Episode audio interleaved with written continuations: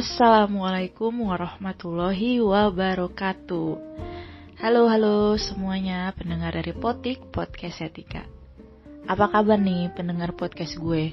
Di mana pun kalian ngedengerin omongan gue Ya mungkin ya masih kurang berbobot lah untuk didengerin di podcast ini. Tapi setidaknya podcast ini memberikan suatu cerita yang mungkin masih bisa bermanfaat buat kalian dengerin. Dan semoga kalian selalu baik-baik dan selalu lebih baik dari hari sebelum-sebelumnya dan kita bisa terus jadi orang-orang yang beruntung di setiap harinya. So, hari ini gue bakal bahas tentang suatu istilah yang baru banget gue denger dan gak tahu ya mungkin apa ini gue yang baru denger atau memang istilah ini udah lama ada. Tapi sejujurnya gue baru pertama kali dengar untuk istilah ini. Ya, hari ini gue bakal bahas di podcast ini tentang hubungan poliamori. Nah, kalian pasti tuh udah gak asing tuh sama istilah poligami, poliandri, apalagi istilah selingkuh. Nah, beberapa hari ini jujur gue itu baru denger istilah istilah baru yang namanya itu poliamori yang mungkin sih kalau gue cari tahu di berbagai sumber di internet itu ya sama aja dengan tiga istilah yang gue sebutin tadi kayak poligami, poliandri, selingkuh tuh secara umum kayaknya makna si poliamori ini tuh hampir sama lah. Dan gue baru denger istilah poliamori itu dari salah satu eh, selebritis uh, di Indonesia yang dia nge-share tentang uh, si uh, hubungan poliamori ini. Dan saking gue penasarannya, apa sih sebenarnya poliamori itu? Terus apa sih bedanya dengan poligami, poliandri, atau dengan selingkuh? Karena secara umum kalau gue lihat ya memang sama-sama aja sih Nah, makanya gue bakal bahas di podcast gue uh, kali ini.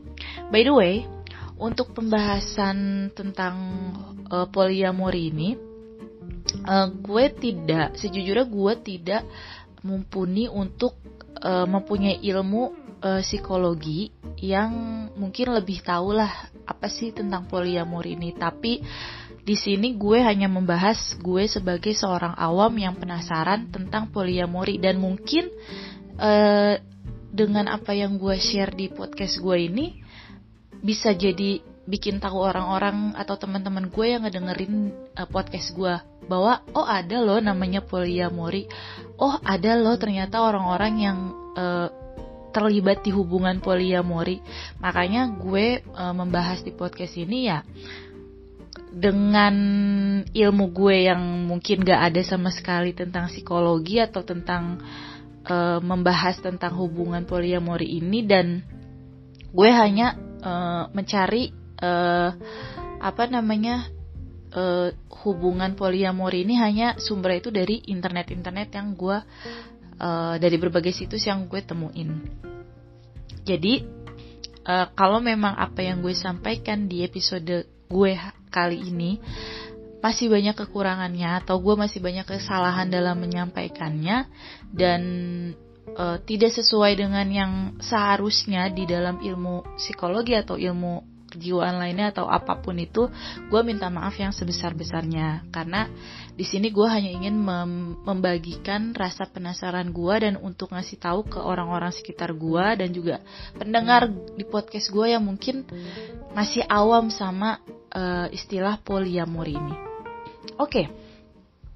Sebenarnya apa sih poliam, poliamori itu dan siapa sih yang mencetuskan tentang hal tersebut?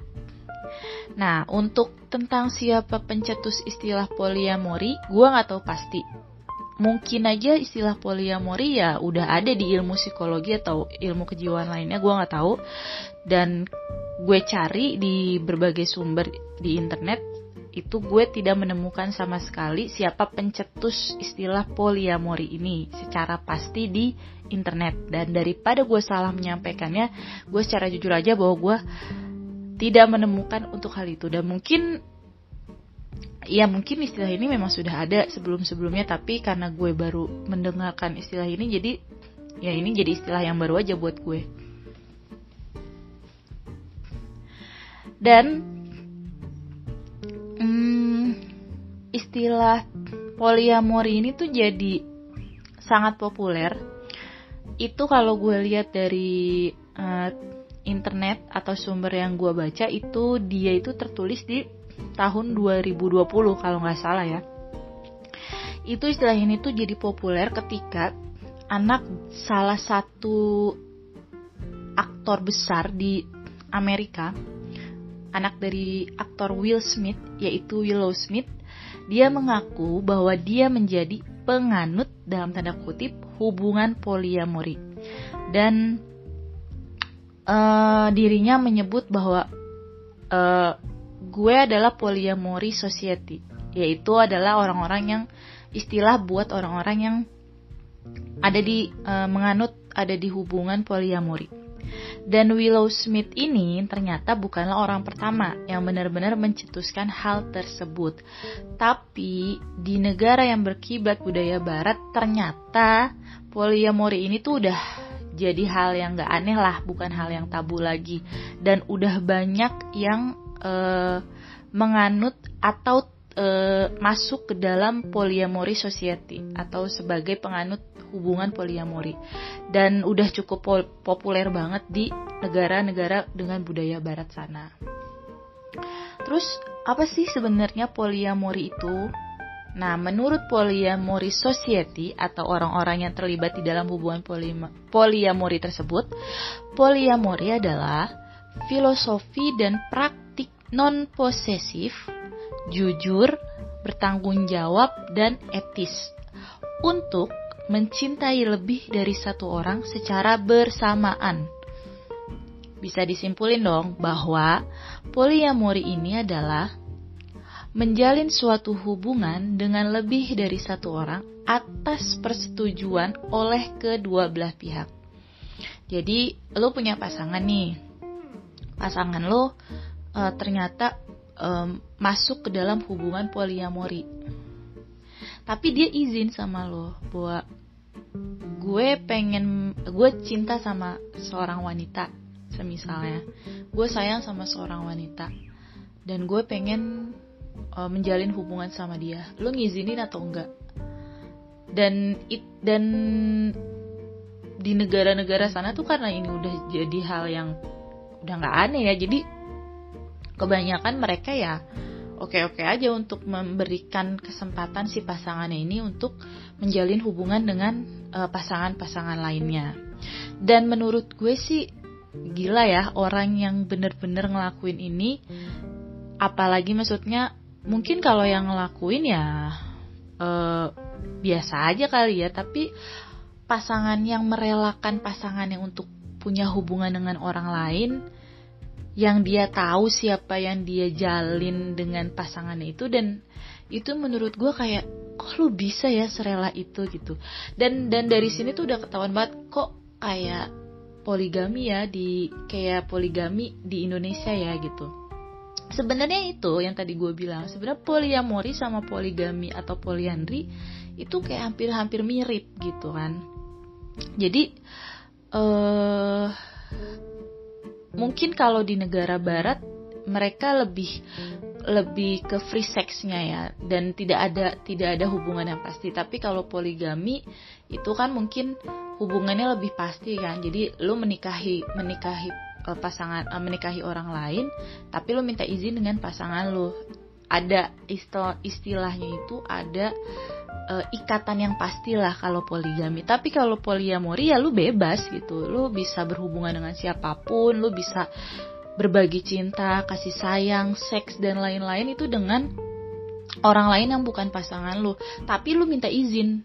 Nah, makanya poliamori itu berbeda dengan selingkuh. Kalau selingkuh kan ya pasangan lo yang sebenarnya nggak tahu bahwa lu punya hubungan dengan orang lain tapi lu bisa ngelakuin lu bisa seks dengan orang lain yang bukan pasangan lo. Lu bisa berbagi cinta dan kasih sayang yang bukan sama pasangan lo. Cuman konteksnya adalah kalau lu selingkuh ya lu diem diem tapi kalau poliamori lu atas izin dari pasangan lo. Dan itu yang ngebedain antara poliamori dengan uh, poligami dan selingkuh ya dan ingat konsep poliamori itu adalah non posesif. Jadi ketika lo udah merelakan pasangan lo untuk ngelakuin hal itu dan lo mengizinkan, ya berarti lo emang udah siap berbagi.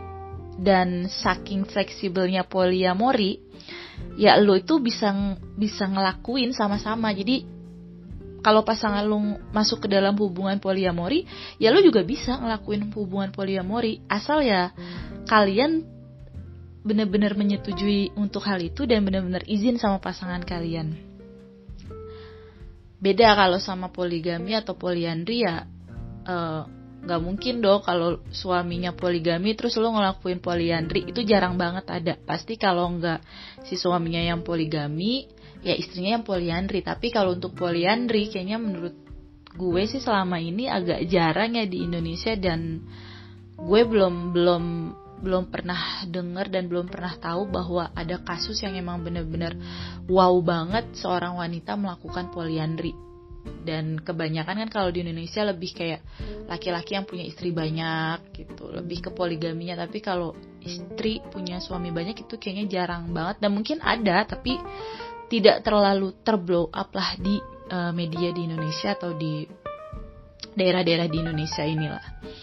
Dan eh, orang-orang yang ngelakuin uh, poliamori menurut artikel yang gue baca di situs halo.com halodoc.com sorry bisa dia itu hetero, heteroseksual lesbian gay atau biseksual dan mencakup kombinasi orang dengan orientasi seksual yang berbeda jadi menurut gue dari pernyataan tersebut bisa aja lu nikah atau lu punya relationship dengan lawan jenis lo, tapi lo bisa ngelakuin hubungan poliamori dengan orang yang sesama jenis lo.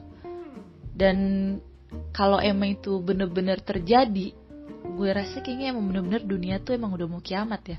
Jadi kayak uh, udah nggak udah nggak aneh aja gitu kayak lo lo bisa nikah atau lo punya hubungan dengan lawan jenis tuh tapi lo ada di hubungan yang lu bisa berhubungan dengan dengan sesama jenis tuh dan oh gila ya dunia tuh udah bener-bener kayaknya udah sedikit lagi nih.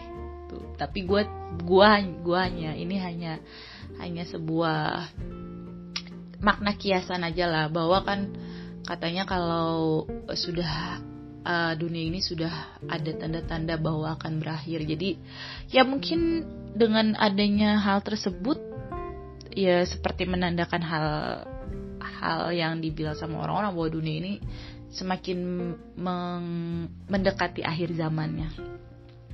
Dan juga terkadang dalam poliamori itu bersifat hierarkis. Jadi ada satu hubungan yang diprioritaskan daripada yang lain tapi juga disamakan. Jadi uh, ada pasangan yang memang uh, mengutamakan pasangan utamanya atau mengutamakan pasangan yang uh, dia melakukan hubungan poliamor itu atau juga ya sama aja gitu. Jadi nggak ada bedanya ya. Kasih sayang yang lu kasih cinta cinta yang lu kasih terus kepuasan dalam seksualitas yang lu kasih ya itu sama aja gitu. Nggak ada bedanya. Tapi ada juga yang membeda-bedakan lah istilahnya uh, yang si A si pacar utamanya atau pasangan utamanya gitu. Tapi dia tidak memperoleh 100% cinta dan kasih sayang si uh, pasangan yang melakukan hubungan poliami, poliamor itu. Walaupun poliamor itu adalah hubungan yang benar-benar terbuka dan atas persetujuan persetujuan satu sama lain dan seperti udah ada sistem keikhlasan lah ya di dalamnya tapi tetap aja tuh nggak sepenuhnya mulus orang-orang yang ngelakuin hubungan poliamori. Di balik hal itu pasti ada selalu kelebihan dan kekurangannya Nah, berdasarkan Foundation for International Community, sejumlah kelebihan poli poliamori dan juga kekurangan itu ada pastinya. Nah, ke, e, sejumlah kelebihan poliamori itu adalah satu, membuka sudut pandang dan kesempatan baru. Karena lo kan bertemu dengan pasangan-pasangan yang yang yang baru dan lo bisa punya sudut pandang yang berbeda dari orang-orang yang berbeda yang lu temuin atau jadi pasangan lu di dalam hubungan poliamori poliamori lo itu. Terus dua, mendapatkan kebebasan dan penerimaan. ya gimana lu nggak dapetin kebebasan orang lu izin lu lu dapet tuh dari pasangan lu terus lu dapet penerimaan ya berarti kan pasangan lu udah ngasih lu izin berarti lu udah dapet penerimaan dong dari pasangan lu bahwa oke okay, lu kalau lu mau uh, ngelakuin hubungan itu oke okay, silahkan terus yang ketiga bisa mengungkapkan cinta lebih luas. Ya iyalah itu udah pasti karena lo bisa terlibat di satu hubungan lebih dari satu orang bahkan dua tiga ataupun berapa ya pasti lo bakal bisa mengungkapkan cinta yang lebih luas juga ke orang-orang yang terlibat di dalam hubungan poliamori lo itu. Terus yang keempat menjadi saling terbuka sama pasangan. Nah yang poin keempat ini kayak ya lo benar-benar terbuka karena lu cinta sama seseorang, lu pengen berbagi kasih, lu pengen berbagi sayang, lu pengen berbagi kehidupan seksualitas lu, tapi lu benar-benar minta izin tuh sama pasangan lu. Ya dan itu emang benar-benar jadi terbuka, jadi lu jujur bahwa gue pengen ngelakuin ini sama orang lain dan lebih baik gue minta izin sama lu. Nah yang kelima, memiliki banyak orang yang ngedukung kalian otomatis kalau itu karena kalau lu punya banyak pasangan atau temen deket otomatis akan banyak orang-orang yang jadi support system buat kehidupan lo juga. Nggak cuman lo misal lo kalau cuman punya satu pasangan ya mungkin ya pasangan lo itu support system lo dan di dan terus juga ada keluarga-keluarga lo ya. Paling cuman ya nggak terlalu banyak gitu kan. Tapi kalau lo melakukan hubungan poliamori ya karena lo mungkin berkelana ke mana-mana ya dengan pasangan-pasangan di dalam hubungan lo itu ya lo bakal dapet banyak support sistemnya tapi di balik kelebihan itu selalu aja ada namanya kekurangan. Sama halnya dengan hubungan poliamori. Kekurangan dari hubungan poliamori itu adalah satu rasa cemburu sulit dikendalikan. Pasti kalau itu namanya walaupun konsepnya poliamori itu adalah uh, eh, non posesif jujur dan bertanggung jawab serta etis tetap aja kalau kita udah cinta sama pasangan kita gak akan kita bener-bener serela itu ngelepas pasangan kita apalagi pasangan kita itu bisa ngelakuin ke lebih dari tiga orang, empat orang atau lima orang. Kalau di dalam poligami itu kan menurut uh, Islam itu kan um, apa kalian eh, laki-laki itu berhak menikah sebanyak empat kali kan? Jadi ya udah stop aja di situ gitu kan. Tapi kan kalau lu poliamori sebebas itu lu bisa punya pasangan 10, 100 atau berapa. Dan otomatis pasangan utamanya ya nggak mungkin kalau nggak cemburu pasti cemburu lah. Karena kan udah berbagi sayang berbagi cinta berbagi seks seks yang biasanya mereka bisa dapat secara full atau gimana. Terus yang kedua, hubungan jadi rumit, apalagi jika jika pengen menikah. Jadi kalau lu dimasuk di dalam hubungan poliamori, lu kan berhubungan dengan banyak orang. Nah, otomatis kan di situ pasangan-pasangan lu di dalam hubungan poliamori itu nggak mungkin lah ada yang pengen cuman have fun aja atau gimana gitu. Pastilah ada satu dua orang atau berapa orang yang menginginkan melegalitaskan hubungan kalian. Ya mungkin dengan menikah tapi kan karena kalian melakukan hubungan poliamori itu mungkin untuk kesenangan atau bagaimana gue nggak ngerti. Ya mungkin itu jadi hal yang jadi rumit karena mungkin kalian nggak pengen menik uh, kalian nggak pengen menikahi orang-orang yang terlibat di hubungan poliamori kalian tapi kal kalian cuman pengen uh, nikah sama orang atau mempertahankan rumah tangga kalian dengan orang yang emang benar-benar jadi orang yang utama di dalam hubungan kalian. Jadi ya untuk orang-orang yang di dalam hubungan poliamori kalian tuh udah cuman kayak sesaat-sesaat lah gitu. Jadi kalau misalkan mereka pengen diseriusin ya kayaknya itu jadi hal yang rumit aja kalau menurut gue ya di poin 2 ini. Terus yang di poin ketiga, adanya diskriminasi dari orang-orang sekitar dan terdekat. Itu udah pasti, karena lo bakal dianggap lo nggak punya kesetiaan lah sama pasangan lo kok lo bisa ngelakuin itu? Terus poin yang keempat lo sulit lo sulit menemukan orang yang mau ngelakuin hal serupa. Pasti karena itu pasti walaupun mungkin itu udah populer di negara-negara barat tapi ya ya pastilah ya nggak nggak mungkin nggak mungkin ada orang yang bener-bener pengen ngelepas pasangannya atau bener-bener pengen ngelakuin itu gitu jadi balik lagi ke poin satu yang rasa cemburu itu. Jadi pasti pasangan lu ya punya rasa cemburu dan gak mau ngelepasin pasangannya lah gitu. Walaupun uh, itu udah sangat populer lah gaya hidup itu di uh, budaya barat sana. Terus yang poin kelima itu risiko kesehatan. Itu udah pasti. Kalau lu terlalu banyak pasangan yang lu gonta-ganti atau uh, lu sering main ke sana main ke sini ya pasti itu udah ada resiko kesehatannya. Terus yang keenam, lo harus pintar negosiasi dengan pasangan yang gak merestui hal tersebut.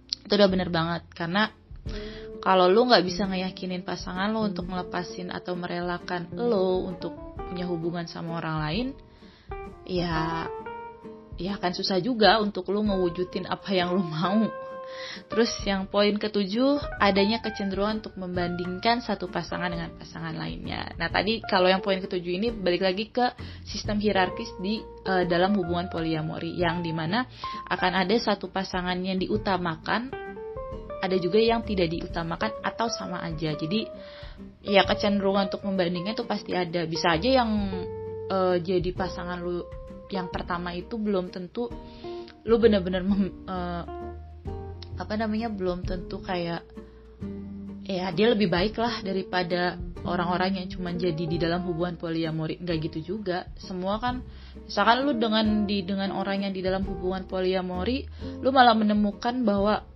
kok dia bisa bikin gue lebih bahagia dan lu malah cenderung akan membandingkan ke pasangan lu yang utama. Dan itu sih bahayanya gitu. Nah itu kurang lebihnya tentang hubungan poliamori. Menurut gue pribadi nih ya Emang sih poliamori itu berbeda dengan poligami atau poliandri atau bahkan selingkuh. Walau antara poliamori dan poligami atau poliandri itu sepertinya hampir sama ya, cuman ya kalau poligami itu ada legalitasnya, istilahnya ada lo dapat hubungan yang pastilah dari uh, poligami itu. Tapi kalau poliamori ya lu bebas-bebas aja gitu, lu nggak perlu nikah, lu nggak perlu apa yang penting lu pengen mencapai kepuasan lo misalnya lu pengen memperoleh seks yang lebih puas lagi dari orang-orang lain ya mungkin itu yang pengen lu capai tapi lu nggak mendapatkan legalitasnya. Tapi apa pun itu istilahnya mau ada persetujuan atau nggak ada ya tetap aja namanya berbagi kasih cinta sayang bahkan kehidupan seks sama orang lain itu nggak ada yang benar-benar ikhlas dan bisa nerima. Dan untuk poliamori gue harap sih ini nggak jadi sebuah budaya baru di negara kita yang lebih condong ke budaya timur. Karena kalau ini benar-benar jadi populer di negara kita ini sepertinya tuh udah nggak ada lagi tuh sebuah penghargaan dari sebuah hubungan cinta dan kasih sayang. Dan buat lo yang mau mengikuti budaya-budaya barat sana lebih baik lo berpikir dulu sebelum lu ngikutin hal-hal yang populer dari berbagai negara. Karena nggak selamanya apa yang lu ikutin itu membawa kebaikan. Kalau merugikan buat apa kita ikutin kan? Apalagi itu nyakitin hati orang lain. Bahkan orang-orang yang cinta sama kita dengan tulus